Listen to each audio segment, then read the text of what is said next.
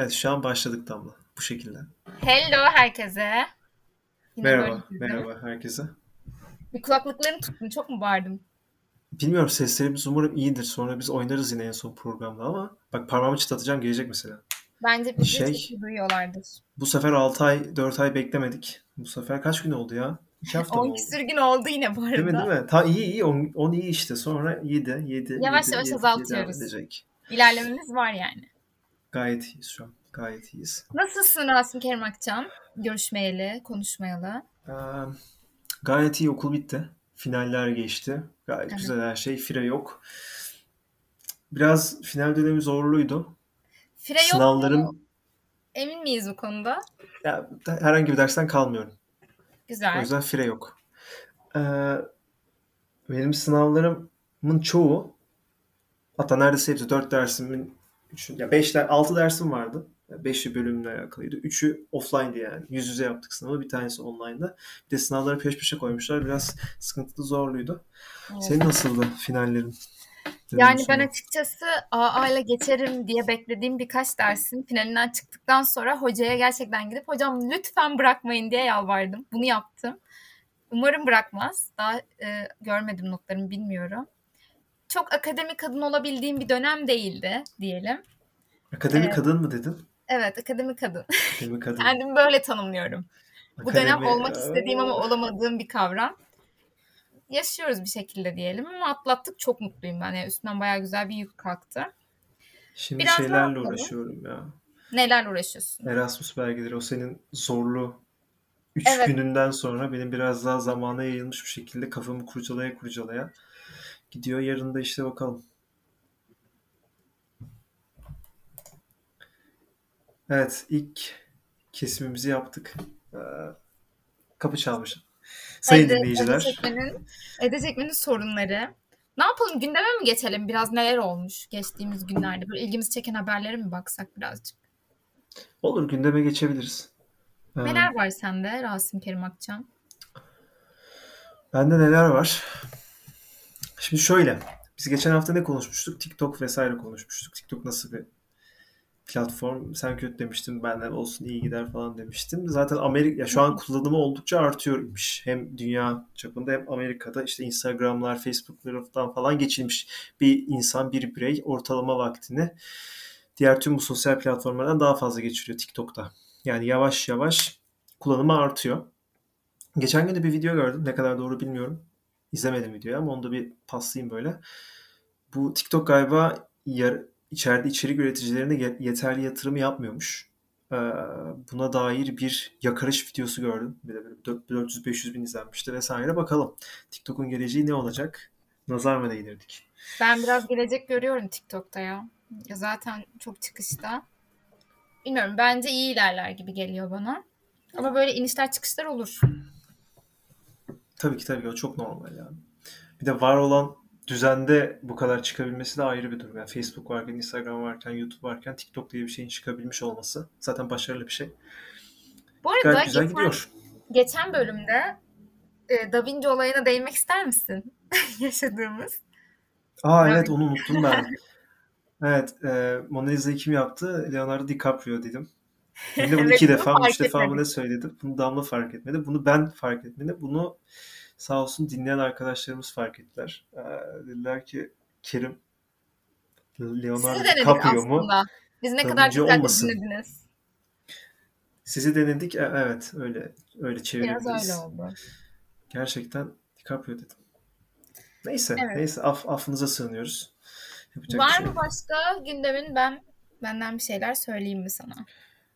Var. Senin bana söylediğin var. Dream Games'in Evet Dream Games yatırım almış burada. 255 milyon dolar yatırım almış.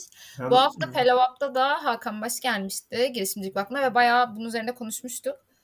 Bayağı hızlı yükselen ve oyun sektöründe de hani güzel yenilikler getirecek bir aslında e, girişim mi denir, şirket mi denir artık tam olarak ne denir bilmiyorum evet, ama. Onun, onun tam bir sınırı yok ya. Böyle girişimler ne zaman şirket oluyor?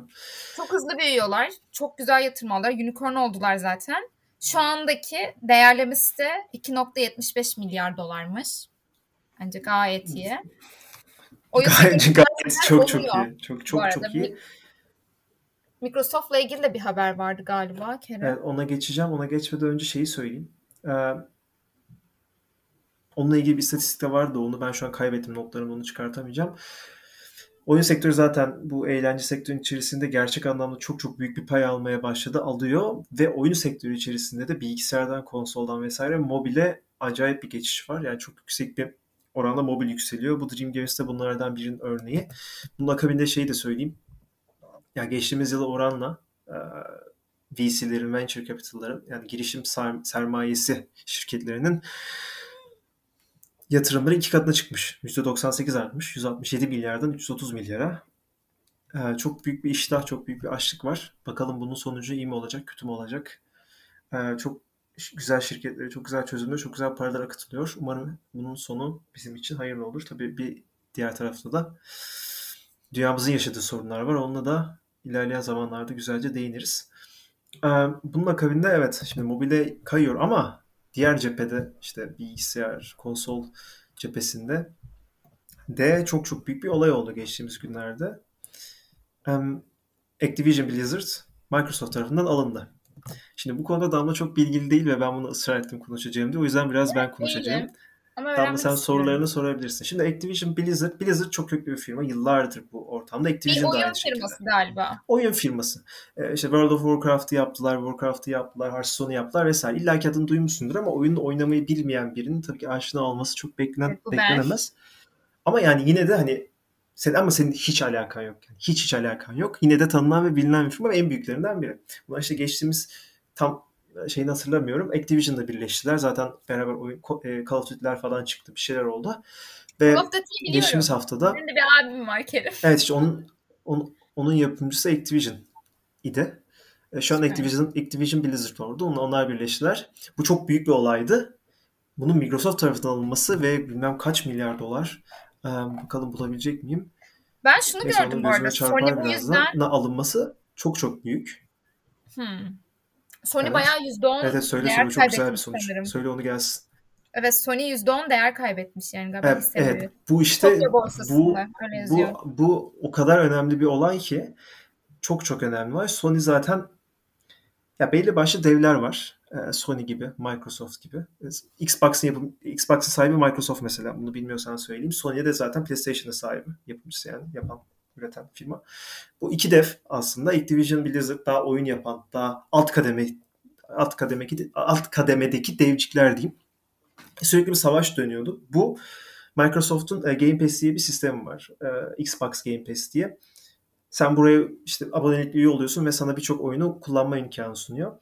Bu kur oranından dolayı oyunlara para veremeyen ülkelerde bu Xbox Game Pass çok çok önemli. Çünkü çok ucuz fiyata alabiliyorsun. Aylık 30 liraya yüzlerce oyun oynayabiliyorsun. Şimdi bu satın alım ve Activision Blizzard'ın satın alınması Microsoft'u tam olarak bir e, monopolileştirme yolunda edip gerçek anlamda böyle adım adım yürütüyor. Çünkü tüm oyun yapımcılarını teker teker yavaş yavaş satın alıyorlar. Xbox'ı güçlendiriyorlar. PC taraflarını güçlendiriyorlar ve bu Sony'nin elini oldukça güçsüzlendiriyor. Çünkü e, şimdi Sony PlayStation üzerinde çalışan, PlayStation oyun yapan bir firma. PlayStation'ın rakibi Xbox. Ve bunların da aslında rakibi PC var ama orada konsollar arasında tam olarak kavga orada dönüyor. Şimdi Microsoft kendini bu alanda geliştirdikçe Sony'de de çıkan mesela Call of Duty'nin büyük bir oyuncu kitlesi Sony'de. E, PlayStation'da oynuyor. Şu an dese ki ben Call of Duty'yi e, herhangi bir şekilde PlayStation'a çıkarmıyorum. Alıyorum sizden. PlayStation oyuncu kitlesinin belki dörtte birini vesaire kaybedecek. Ya da mesela Activision ya, e, ya da mesela FIFA'lar, PES'ler falan çıkıyor. Bunları da kaybetme ihtimali var. O yüzden bu satın alımdan sonra Sony'nin hisselerinin %10 düşmesi çok çok büyük bir olay. Bizim için şu an iyi ama bir tarafta e, çok konuştum hemen toparlıyorum. Bir tarafta bir alanda bir monopolinin çıkması bizim için son kullanıcı için sonuç olarak çok büyük riskler taşıyan bir durum. Ben şu an keyfim yerinde ama 5 yıl sonra hiç keyfim yerinde olmayabilir. Çünkü Sony gibi, Microsoft gibi firmaların olması bunların birbirleriyle didişme, didişmeleri her zaman bize yarar diyeyim. Of 5 dakikada olduğu kadar. Hadi bakalım. Bir tık anladım diyebilirim. Çünkü aslında zaman zaman evet, evet. E, abimin de işte PlayStation mı Xbox mı kendisindeki böyle çatışmalarına şahit oluyordum. Sonuç olarak ikisini de almadı o ayrı bir olay ama e, birinde oyunun çıkması birinde çıkmaması hani ben bu seviyede kalmıştım. Neyse birazcık öğrenmiş oldum. Benim önümde de şöyle bir e, haber var aslında. Daha çok telefon mobil boyutunda. E, Amerika'da şöyle bir düzenleme geliyormuş sanırım ya. En azından getirilmesi isteniyor. Şu anda galiba sadece Amerika içerisinde yapılması planlanıyor bunun. Apple ve Apple e, Google, Google dışında farklı e, marketlerden de oyunların indirilmesi konusunda aslında. Yani e, Apple Store, App Store, Google Play gibi platformlar platformlara ek yeni platformların gelebileceği konuşuluyor. Tabii ki e, bunu istemiyor Apple ve Google tarafından. Neden? Çünkü karlılık düşecek, rekabet artacak vesaire. Aynı zamanda bunun kişisel e, bilgilerin de güvenliği açısından sıkıntılı olabileceği de söyleniyor. Ama sence böyle bir sistem yarar mı? Alternatif marketlerin çıkması, mobil app'lerin çıkması. Yani işe yarar mı? Ben tutacağını çok düşünmüyorum kendi adıma bu arada. İnsanlar çünkü sonuçta e, Google ve Apple bir marka ve güvenilirlik açısından kendi bilgilerini paylaştığın için e, bunlardan çok e, dışarı çıkacaklarını düşünmüyorum insanların. Ya ben bu haberi görmemiştim sen söyleyene kadar. Güzel bir haber. Şimdi öncelikle şöyle başlayayım. Bu Apple'ın ve Microsoft'un ortaya sürdüğü işte güvenli olmaz şeyi zaten saçmalık. Çünkü zaten güvende değil. Onların elinde güvende değil. Onların elinde olmasa da güvende olmayacak. Yani bizi düşündükleri vesaire yok. Dediğin gibi karlar azalacak. Rekabet artacak. Ama ortada Z- bir marka değeri var ya. Yine de sen ona bir tık da olsa güveniyorsun. Ya, evet, evet paylaşılıyor. Doğru. E, doğru haklısın. Yani Ama devam ediyoruz paylaşmaya bilgilerimizi yani. Ben zaten hani artık neredeyse hiç önemsemiyorum onu. Ben de aynı şekilde. Her yerde Ama her türlü bilgime ulaşabiliyorsun yani çok açık. Yani bana şey biraz iki yüzlük gibi geliyor. Bu insanlar gerçekten te- en azından en başta teknolojiyi seven, belli başlı sorunları çözüm üretmek isteyen bu şekilde çıkmış insanlar ve yavaş yavaş biraz aslında kapitülas kapitülasyon ay kapitalizmden vesaire etkilendiklerini işte artık yollarını kaybetme derecesine geldiklerini görüyoruz. Yani bizi düşündükleri vesaire yok artık. Onlar çoğu zaman paraya bakıyorlar. Şirket ne kadar para kazanıyor. Ona bakıyor. Yani bunun bunun koz olarak sür, sür, önümüze sürülmesi hoş değil. Zaten yıllardır her biri her ülkede Avrupa'da Birliği'nde, Avustralya'da, Amerika'da, orada, burada, şurada, Japonya'da, Tokyo'da falan her yerde bayağı hukuksal mücadeleler veriyorlar bu konularla ilgili. Zaten böyle canlı yayınlarını falan da izliyoruz. CEO'lar gidiyorlar, konuşuyorlar falan hakimlerin karşısında. O, o, orada bir ikiyüzlük var. Şimdi bu nasıl olur? Uygulanabilir mi bilmiyorum. Pek sanmıyorum uygulanabileceğini. Olursa bizim için iyi olur mu? Ben açık açık yani tam olarak arkadaki yasayı tasarısını vesaire bilmiyorum ama işte Amerika hükümetinin ya da Avrupa'daki işte hükümetlerin bu gücü firmaların elinden almaya çalıştıklarını fark ediyoruz zaten. Bu işte dediğim gibi hukuksal mücadele, mücadelelerde de onu görüyoruz.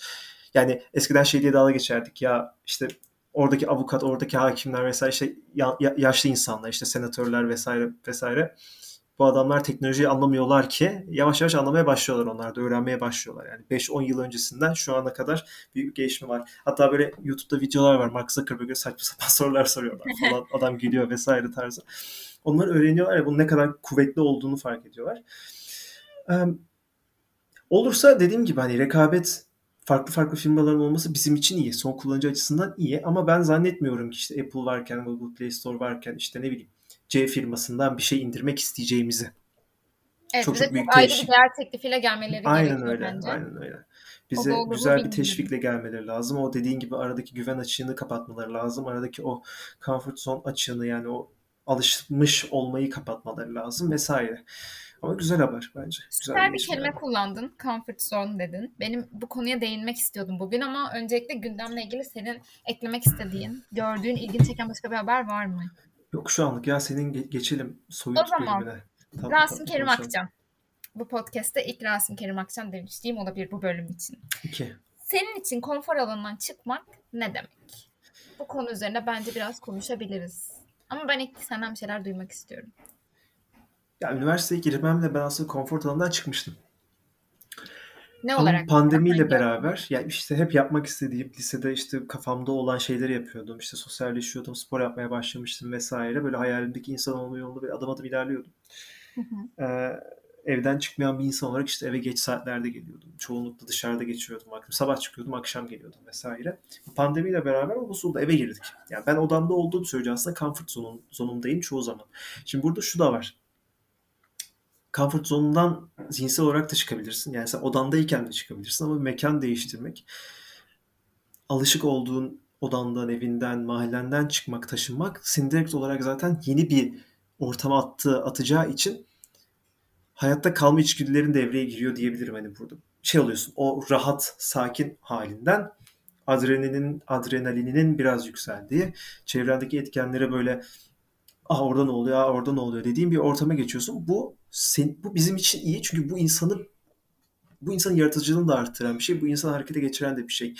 İnsan evinde güvende olduğu zaman birçok şeyi yapmak istemiyor. Birçok şeyi yapamıyor. Aslında comfort zone'un benim bakış açım bu yani. Yani kendini zorluyorsun ee, genel olarak senin konularda. Ya ben hani benimkine de geleceğim ama benimkine gelmeden önce şöyle bir şey Aynen. söyleyebilirim. Kendini zorlama kısmı bence çok değerli. Hani e, diyorsun ya bir süre sonra senin yaratıcılığını ve üretkenliğini arttırıyor. Veya işte daha e, sorunlara çözüm odaklı yaklaşabiliyorsun. Bu yeteneğin gelişiyor. Ben buna çok katılıyorum. Benim sanırım şu e, yalnız kalmayı seven bir insan hiç değilim. Yani insanlara çok bağlı Hı-hı. biriyim. Sürekli yanımda birini ararım. Biriyle hareket etmeyi severim. Biriyle bir şey yapayım. E, bu güzel bir şey Hı-hı. değil bana sorarsan. Evet sosyalleşmek güzeldir. Etrafında insan olması güzeldir ama her an buna ihtiyaç duymak e, bazı yapmak istediğin şeylerden seni alıkoyabiliyor. Adım atmanı engelliyor. Ne bileyim bir yere gideceksin, bir projeye katılacaksın ama tek başınasın ve yanında birini arıyorsun. Yani sıkıcı bir durum. Sıkıcı bir durum değil, sıkıntılı bir durum. Evet. Benim için de sanırım konfor alanından çıkmak, kendi kendimle vakit geçirebilmeyi öğrendiğim zaman olur gibi geliyor veya buna kendimi mecbur ettiğim zaman. Tabii ki de odama e, çekilip böyle yalnız kalmayı sevdiğim zamanlar var ama yalnız başına çok büyük işler, benim için çok büyük işler veya deneyimlemediğim şeylere girmek bana biraz riskli geliyor. Ben o noktalarda riski sevmiyorum sanırım. Bunu da herhalde bu ay artık Erasmus'a tek başıma gideceğim ve sanırım burada birazcık aşmaya çalışacağım. Yani tek olmak her şeyi bilmediğin bir ülkeye, dilini belki çok iyi konuşamadığın bir ülkeye gidiyorsun. Zaten ben her gün böyle 10 kere gittiğim yere 11. gidişimde kaybolan biriyim. Beni biliyorsun Kerem. Hani yolunu, haritasını hiç bilmediğim yerlerde tek başıma her şeyi halletmeye çalışacağım. Bu benim için çok büyük bir şey ve kesinlikle konfor alanından çıktığım bir süreç olacak. Ama ben şeyi seviyorum. Kendimle bazı konularda challenge etmeyi. Yani kendimi zorlamayı ve o yönümü biraz daha geliştirmeyi seviyorum sanırım. Ya da bilmiyorum göreceğiz. Seviyor muyum, sevmiyor muyum? Bunu göreceğim bu ay. Benim için bu galiba yalnız kalmayı aştığım durumlar. Yani kendi kendine vakit geçirebilmeyi öğrendiğim durumlar da konfor alanından çıkmış oluyorum. Ama bunu hedefim bunu konfor alanı haline getirebilmek biraz. yani seni biraz daha soyutmuştu. Benim gerçekten kelime anlamıyla çok paralel hani mekan değişikliği beni itiyor. Ben de işte bu yıl önümüzdeki dönem Erasmus'ta olacağım için muhtemelen güzel bir Erasmus geçireceğim. Çünkü tamamen alışık olmadığım bir ülkede, tamamen alışık olmadığım bir ortamda olacağım. Yine üniversite vesaire olacak tabii ama bambaşka bir ortam olduğu için bence güzel geçecek yani o 6 ay. Çünkü insan ya yani sürekli konfor alanından çıkmak için bana sorarsan işte sürekli mekan değiştirmek, sürekli farklı ortamlarda bulunmak, sürekli farklı yani mesela iş değiştirmek, e, staj yapıyorsan başka bir yerde staj yapmak, belli bir yerde bir süreden fazla kalmak insanın gelişimle bağlarsak gelişimini oldukça baltalıyor. Ve sen de biraz daha bu soyut, ben de biraz daha fiziksel sanıyorum. Hı hı. Um, ama güzel bir şey yani insanın kendi zorlaması ve ya konfor alanı doğru bence ben inanıyorum yani o tabire o terime diyeyim. Peki o zaman bir konum daha var. Bu da Hı-hı. yine çok genel olacak. Ya e, zorluklar yaşamaktan bahsettik. Hani hepimiz çeşitli konularda yaşıyoruz. Düşüşler oluyor, çıkışlar oluyor bu düştüğün noktalarda sen kendi motivasyonu nasıl yükseltiyorsun mesela? Başarısız olduğun bir şeyde de olabilir bu.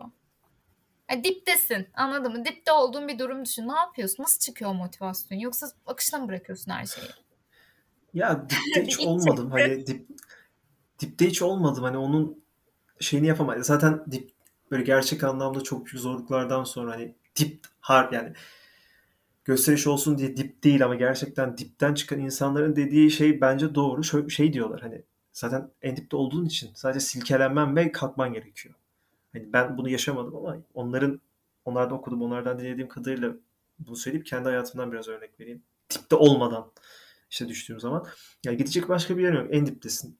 Bu tabii çok çok zor bir durum. Hani buradan insanın çıkması da çok zor. Ama çıktıkları zaman o insanlar bir daha düşmüyorlar. Yani o dipten gerçekten dağın en ucunda zirveye kadar çıkıyorlar. Ki birçok örnekte belki hayatlarında dipleri görmüş insanlar. Çünkü kaybediyorlar onları. Neyin değerli olduğunu anlıyorlar ve onları bir daha kaybetmemek, onları kazanmak için ellerinden gelen her şeyi yapıyorlar. Silkile ama orada silkelenip kalkmak işte çok zor. Onlar dediklerine göre. Yani başarısız olduğun zaman ya şu, benim şu son, son son zamanlarda değerini anladığım en anladığım şeylerden biri böyle bir oturmak ve ba- durmak yani sadece durmak. Hani zihinsel olarak da bir şey yapmamak, fiziksel olarak da bir şey yapmamak gerekirse oturup duvarı seyretmek ve biraz boş bırakmak kendini. Çünkü o zaman zihnin oh diyor bir oturduk, sakin olduk. Tamam diyor şimdi aslında daha işte benim için önemli olan şeyler nelerdir? Hayatım nereye gidiyor? Ne yapıyorum? Neyi yanlış yaptım? Neyi doğru yapabilirim? Vesaire o zaman düşünmeye başlıyorsun. Ya buna ihtiyacımız yani, var bence. Evet ya başarısız gerçekten. Başarısız olmadığımız zamanlarda yapmalıyız ama başarısız olduğumuzda daha da yapmalıyız. Yani sürekli koşturmak, aksiyona geçmek, bir şeyler yapmak önemli ama orada da doğru düşünceyle, doğru planla ya da işte ne bileyim bir e, hedefle hareket etmek lazım. Ya da ne yapıyor olduğunu bilmek lazım. O yüzden durup düşünmek diyeyim ben. Benim çok yakın bir arkadaşım motivasyonu düştüğünde oturur ağlar ilk önce. Ama böyle saatlerce ya da dakikalarca da olabilir. Yani o anki moduna ve yaşadığı olaya göre. Sonra sanki hiçbir şey olmamış gibi kendini toparlar ve çok güzel bir şekilde e, yolunu bulur, çözümünü üretir. O sorunu, krizi atlatır. Yani e, bilmiyorum çok değişik geliyor bana. Ben mesela böyle bir ağlama krizine girsem sonra kendimi kolay toplayabilir miyim? Toplayamayabilirim. Güzel bir yöntem, değişik bir yöntemim var daha doğrusu. Benim kendi yöntemim yani spesifik olarak olaylara göre değişebilir tabii ki ama sanırım motivasyonum çok düştüğünde ben ilk önce özellikle son birkaç senede bunu öğrendim. Başarısızlığı bir hazmetmeye çalışıyorum. Eğer bir başarısızlıktan dolayı bu motivasyon düşüyor. Ya da yaşadığım bir kriz, bir sorun var, bir olay var. Senin dedin oturayım, düşüneyim bir sakinleşeyim şey var ya bende de o oluyor. Oturuyorum ve bunu hazmetmeye çalışıyorum. Bunu artık yaşadım. Bir kabul et. Hı hı kabullendikten sonra sanırım biraz kendime şunu hatırlatıyorum. Ya sen de bir insansın, senin de bir kapasiten ve sınırların var. Yapabileceğin, çözüm üretebileceğin şeyler var, değiştirebileceğin şeyler var ama değiştiremeyeceğin şeyler de var. Bu noktada bunu da kabul etmeye çalışıyorum. Kendime sürekli bunu hatırlatıyorum. Sanırım sonra biraz toparlanmaya başlıyorum. Her zaman böyle geçmiyor süreç. Her zaman böyle olmuyor tabii ama bence insan ilk başta kendi e, yapabileceğini, yapabileceği şeylere inanırsa ve bu farkındalığa ulaşırsa e, bu motivasyon düşüklüklerini atlatması daha kolay oluyor. Bir de böyle birkaç olay üst üste yaşadıktan sonra artık şey oluyorsun. Evet. Tamam Damla yani şunu atlattın bunu da atlatabilirsin. Ya sen şu zorlukları da yaşadın. Bu da bunun bir benzeri zaten deyip böyle deneyimlerinden yararlanabilir insan kendisine veya çevresinden. Önemli bir olay bence. Herkes farklı yaklaşır kesinlikle ama bu motivasyonu yükseltmek veya bu motivasyonu sürekli tutmak hiç kolay şeyler değil. Ben kendi deneyimlerimden söylüyorum. Tabii. Ama çok değerli şeyler. Ve e, insanların tecrübelerini de dinlemek isterim bu konuda. Ya sana katılıyorum. Arkadaşın yaptığı bence böyle bir insanın belli bir konu ritüelinin olması, olmasına çok güzel bir örnek. Atıyorum bazı insanlar uykudan önce ritüel yapıyor ki uykusu gelsin uyusun. Bazıları kalkınca yapıyor ki işte uyansın. Bu da bunun farklı bir örneği. Yani kötü hissediyor. Bir başarısızlık almış. Ağlıyor. Ve mutlu oluyor. Ve bu, ve bu doğru. Ya bu doğru. Ya çünkü ya insan çok garip bir varlık, mucizevi bir varlık ve hani beynimiz artık nasıl çalışıyor, hormonlarımız falan nasıl çalışıyor bilmiyorum. Hani okudukça okudukça öğrendikçe daha da öğreniyorsun. Bu tür şeyler etkili yani kendinizi kandırabiliyorsunuz. Kendinizi kandırıp kendinizi daha iyi bir konuma da getirebiliyorsunuz. Kendinizi kandırıp kendinizi daha kötü daha e, daha kötü mü dedim iyi mi dedim neyse kötü konuma da iyi konuma da getirebiliyorsunuz. Buna ya yani bu kandırmak da demeyeyim etkileyebiliyorsunuz aslında daha doğru kelime. Bu ritüeller de bunun bir parçası. Ee, gayet güzel bir örnek. Onu bilmiyordum mesela hoşmuş. Peki bir şey soracağım. Ee, bir iki konu daha var aslında benim değinmek istediğim. Aha. Bunları da bu hafta e, bir ara size hatta Girvak'ı da anlatalım Girişimcilik Vakfı'nı. Evet. Hello Up'ta değindiğimiz konularda. İkisi de bir arkadaşımla özellikle oturup konuştuğum konulardan. Kendine yaptığın en büyük en büyük değil. Kendi yaptığın jestler neler mesela Kerim? Bir şey başardığında olabilir. Sadece bir şey başardın diye de değil. Durup dururken de olabilir. Yani bunu illa hak etmek zorunda değilsin bence. Bir jest hak etmek zorunda değilsin. kendi yaptığın jestler var mı? Ya şey bile olur ya. Bilgisayarı akşam açarsın. Netflix yaparsın anladın mı? Gidersin markete abur cubur doldurursun odana. Aha. Hani bu senin şeydir. Keyif anındır. Ya mesela ben buna bayılırım bu arada. Ya kendimizi ne kadar ödüllendiriyoruz? Ya bunu ben ya da ödüllendirmiyorum şey... ya. Değil mi? Bu, bu güzel bir şey mi? Yani illa bir şeyi hak etmek zorunda mıyız mesela kendimizi ödüllendirmek için? Ödüllendirmemek yanlış bir şey. Tamam ya çok yanlış bir şey. İnsan başarısına göre kendine ödül vermesi gerekiyor. Hani daha demin söylediğim kandırmak ya da etkilemekle biraz daha alakalı. Mesela para kazanıyorsan harcaman lazım bir kısmını. Bir konuda bir şey çalışıyorsan onun sonucunu görmen lazım ve işte o sonucu gördükten sonra gidip bir yemeğe çıkman lazım. Dediğin gibi akşam Netflix izlemek lazım. Belki yorgun bir günden sonra daha da çalışmak yerine. Günde 18 saat çalışmak yerine belki o 1 saat 2 saati sevdiğim bir şey yapmaya ayırmak lazım.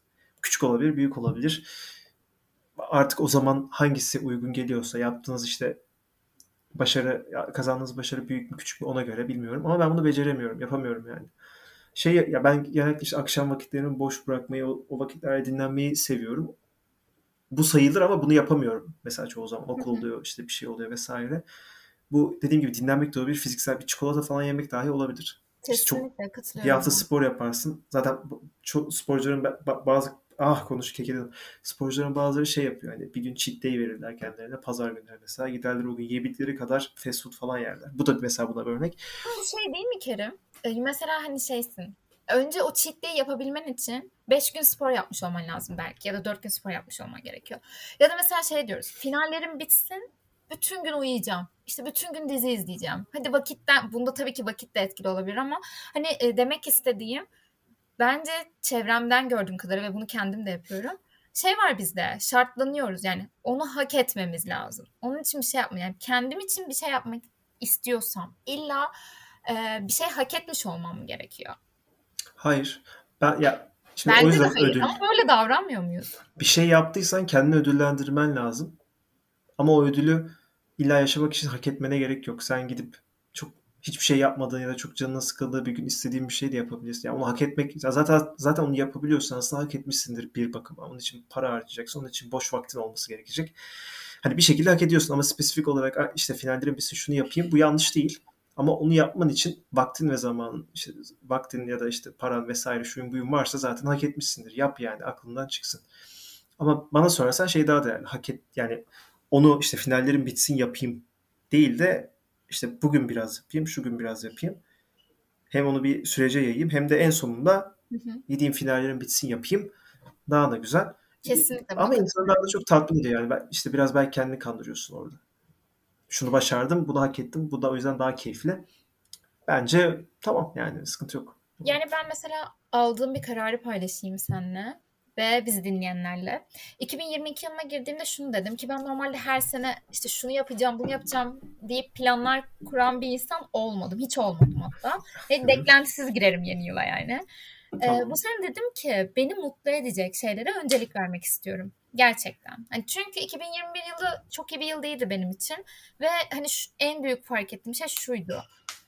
Gerçekten sevdiğim insanlarla yeterince vakit geçiriyor muyum? Ya da beni gerçekten mutlu eden şeyleri hayatımda ilk sıralara koyuyor muyum? Bir baktım. Benim en çok zamanım alan şeyler neler? İşte iştir, okuldur veya hani başka şeyler olabiliyor. Belki sosyal medya.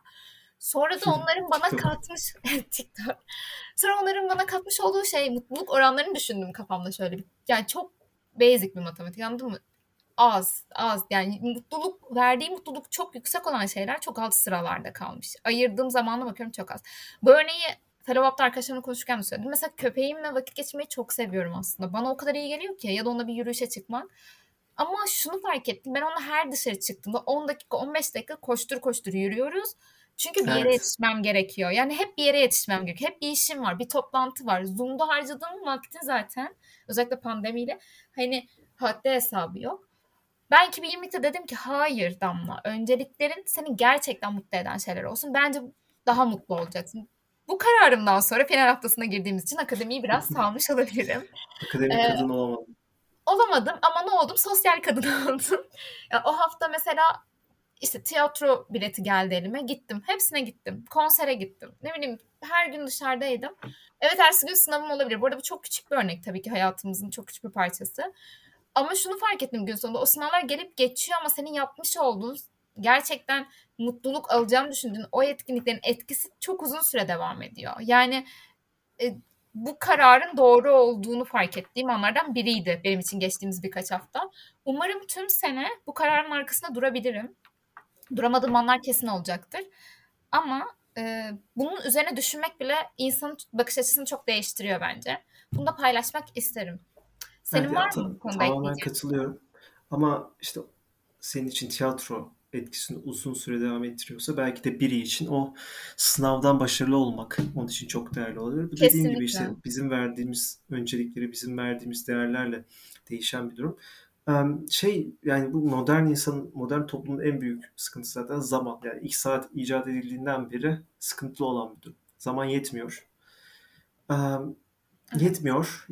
Umarım yetirebiliriz yani. Bir şekilde 24 saat. O da güzel bir şey. Zamanın yetmemesi de güzel bir şey bu arada. Yani koşturmak da kötü bir şey değil ama bu koşturmacanın arasında biraz keyifli bir şekilde koşturmak daha önemli olan yani. Yani en azından zaman yetmeyecekse bile e, zamanımı kullandığım şeyler değişmeli diye düşünüyorum artık kendim için. Anladın mı? Yani bu zamanı yettiremiyorum ama o gün içerisinde yaptığım tek şey okul ve işse tabii ki değil. Ya da hani deminki anlatışımda şunu söyleyeyim. Bana daha az mutluluk ve haz veren şeylerse demek ki ben bu zamanı yetiştirmeye çalışmaktansa artık daha etkili kullanmaya çalışmalıyım. Evet evet o da Daha faydası yüksek şeyleri kullanmaya çalışmalıyım gibisinden. Böyle kafama dank eden şeyler oldu bu geçtiğimiz birkaç hafta. Güzel dank etmiş. Benim sesim Öyle. geliyor değil mi ya? Şey audiografta çok az gözüküyor da sesim. Gayet Sa- geliyor. Sakin sakin konuşuyorum. Hiç sakin sakin konuşmam bu arada. Bir, bir şey konulara girince artık düşünmek gereken konulara girince bir yavaşladık. Bu arada zaman demişken belki yavaştan da kapanışa da geçebiliriz ama hani senin paylaşmak istediğin sözler bir şeyler olabilir. Ben de bir uygulama önermek Benim istiyorum. Iki, iki küçük şeyim var. Birincisi belki biraz konuşuruz. Hı-hı. Konuşmasak da olur. Bir şey gördüm. İkna paradoksu diye. Aa. Um, bu hani sana bahsetmiştim. Um, Apostol'un 5 kişi bülteninden. Um, oluşturucusunun ismini unuttum. Soyadını Eray Bey idi. Soyadını unuttum. O da Girişimcilik Vakfı'nda idi galiba. Ya Fellow ya Alumni olması lazım. Yani şey demiş hani ikna paradoksu neymiş? En fazla tartışan insanların aynı şekilde en az ikna edici insanlar olduğunu fark ettin mi diye soruyor. Yani en ikna edici insanlar neredeyse hiç tartışmazlar. Gözlemlerler, dinlerler ve soru sorarlar. Ee, bunun üzerine şey düşündüm ben. Hani e, cahille muhabbet kestim sözü. Cahillerin çok konuşması sözü. Hani tabii ki bilen insanlar da tartışabilirler ama onların tartıştığı, onların değindiği noktalar öyle noktalar oluyor ki seni ikna ediyor. Belki biraz da bununla alakalı gözlemliyor, öğreniyor. O işte o önemli noktaları e, görüyor. Oradan vuruyor. Ya şey gibi hani Aristo'nun Aristo'ydu galiba. İşte soru sorarak insanlara bilgi öğretebiliyor oluşu gibi. O kadar iyi biliyor ki anlatmaya, ulaştırmaya çalıştığı şeyi, o konuyu seni soru soru, soru sorarak sana işte bir şekilde kılavuzluk ederek kendi kendine bilgiye ulaştırıyor. Aynı şekilde bu şekilde bu ikna edebiliyor.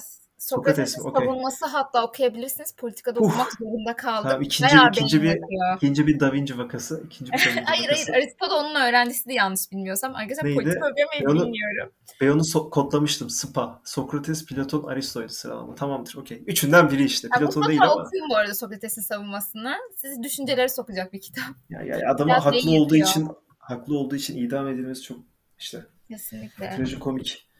Ee, cevap veremedikleri için idam ediyorlar. Ee, öyle yani bu, bu konu üzerine söylemek istediğim şey varsa küçük sen de konuş istersen. Ben şeye çok katılıyorum. Yani e, bu arada ikna etme yöntemi biraz farklılaşabilir kişiden kişiye.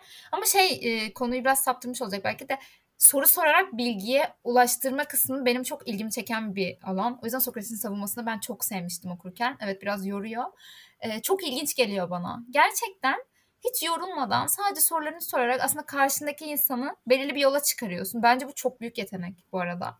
Çünkü soracağın her şey planlı, gittiğin yol planlı. E, bayağı da karmaşık bir şey. Ben bu konuda iddialı olamam diye yani düşünüyorum. Yetenek değil. Ya yeteneğin ne olduğunu da tam tartışırız bir gün belki. Hani de e, bir biliyor olman lazım. Ya öyle bir bilgi o konuyu artık ne hangi konuysa o kadar iyi biliyor olman lazım ki. Evet şey var ya zaten hani bir konuyu bilmeyen birine basit bir şekilde anlatabiliyorsan öğrenmişsindir. Hani tarzı bir düşünce de var ya o kadar iyi bileceksin ki onu her yani tüm bakış açılarından bakabileceksin. Bir insan nereye öğrenebilir onu da bileceksin. Nereye anlayabilir, bu neresi zor, neresi kolay. Çünkü sen öğrendikçe sana kolay geliyor. Yani bir şey e, bazı üniversitelerde de yaşıyoruz. Hani o kadar fazla biliyor ki hoca mesela bizi bize indirgeyip anlatamıyoruz. Biz anlamıyoruz. Bu onu bilmediği anlamına gelmiyor. Hani hem bilmesi lazım hem bunun üzerine düşünmesi lazım. Hem de dediğin gibi belki o hitabet yeteneğini, o işte sözcükleri, lazım. aynen o sözcükleri seçme, kullanma yeteneğini işte ya da işte o da yetenek mi onu da tartışırız. Bence onu da yetenek. Bir şekilde edinmiş olması lazım ki bunu yapsın. Onu da işte o ikna etme sürecindeki o önemli noktaları analojisini kurmak için söyleyeyim dedim. Yani o da güzel bir örnek çünkü. Süper. Peki hmm. başka eklemek istediğin bir şey var mı bu hafta senin, bize Senin var mıydı bir şeyin? Yoksa güzel sözümü söyleyip kapayalım. O zaman ben bir uygulama önereceğim. Ha, Yine yakın zamanda bir arkadaşımın beni iki dakikada ikna ettiği bir konu.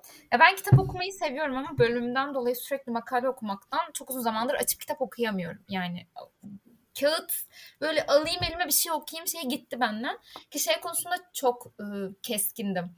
Böyle e-kitap okuyucular çıktı ama hayır ben işte kitabı elimde tutmalıyım, hissetmeliyim sayfasını falan bu kafadaydım. Sanırım artık kitap okuyamadığımı fark ettiğim için ve bundan rahatsız olmaya başladığım için Storytel'e biraz yaklaştım gibi. Ee, gerçekten öğrenciler için hem uygun fiyatlı hem içerisinde bir sürü kitap var. Yani birçok şey ulaşabiliyorsun. Dil seçeneği de varmış. Yolda podcast dinlemek bana güzel geliyordu. Hatta Harry Potter'ın podcast'i vardı. Mesela kitaplarını bazen artık öyle dinliyordum.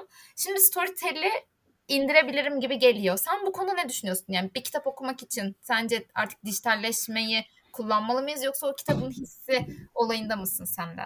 Şu an çok hüzünlü bir durumdayım. Keşke Storytel bize sponsor olsa. Biraz bunların, övelim. bunların da zamanı gelecek. Bunların da zamanı gelecek. Ben e, bu elektronik kitap okuyucunun güzel ya ben şey değildim hiçbir zaman. Yani çok kitap kurdu olan, çok kitap okuyan bir insan değildim. Son belki 2-3 yılda gerçek anlamda kitap dışında da okumaya başladım. Ee, hani şey demiyordum işte kitaba dokunmam lazım, koklamam lazım, of hissetmem lazım. Hani böyle fetiş, fetişlerim yok. To, güzel bir şey olduğunu biliyordum ama hani aldıktan sonra gerçekten daha ne kadar güzel bir şey olduğunu fark ettim ve alan herkese bunu diyor. Yani o işte kitaba dokunmak isteyenler de aldıkları zaman çok çok güzel olduğunu söylüyorlar. Çünkü her an istediğiniz kitaba işte kolay bir şekilde e, ulaşabiliyorsunuz. Hani.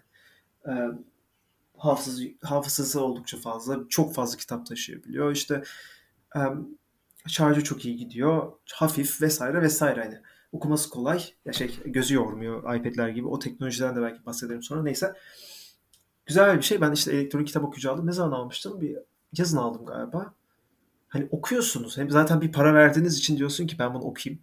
Para verdim o kadar. O da bir etken. Hem de bir şey bu arada. Yani ben. akşam yatıyorsun, okuyorsun. Hani son 2-3 aydır yatmadan önce kitap okuyorum. Mesela yarım saat, 45 dakika, bir saat.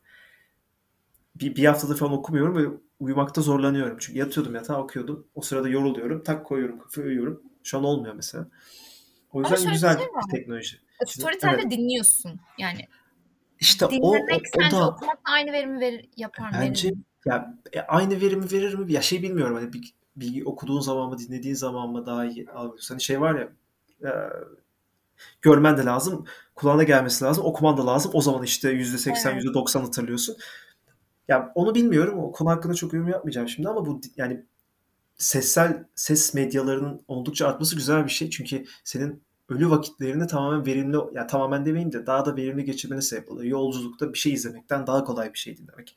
Spor yaparken bir şey izleyemem, izleye, izlemek de çok zor. Bir şey okumak da zor ama bir şey dinlemek oldukça kolay.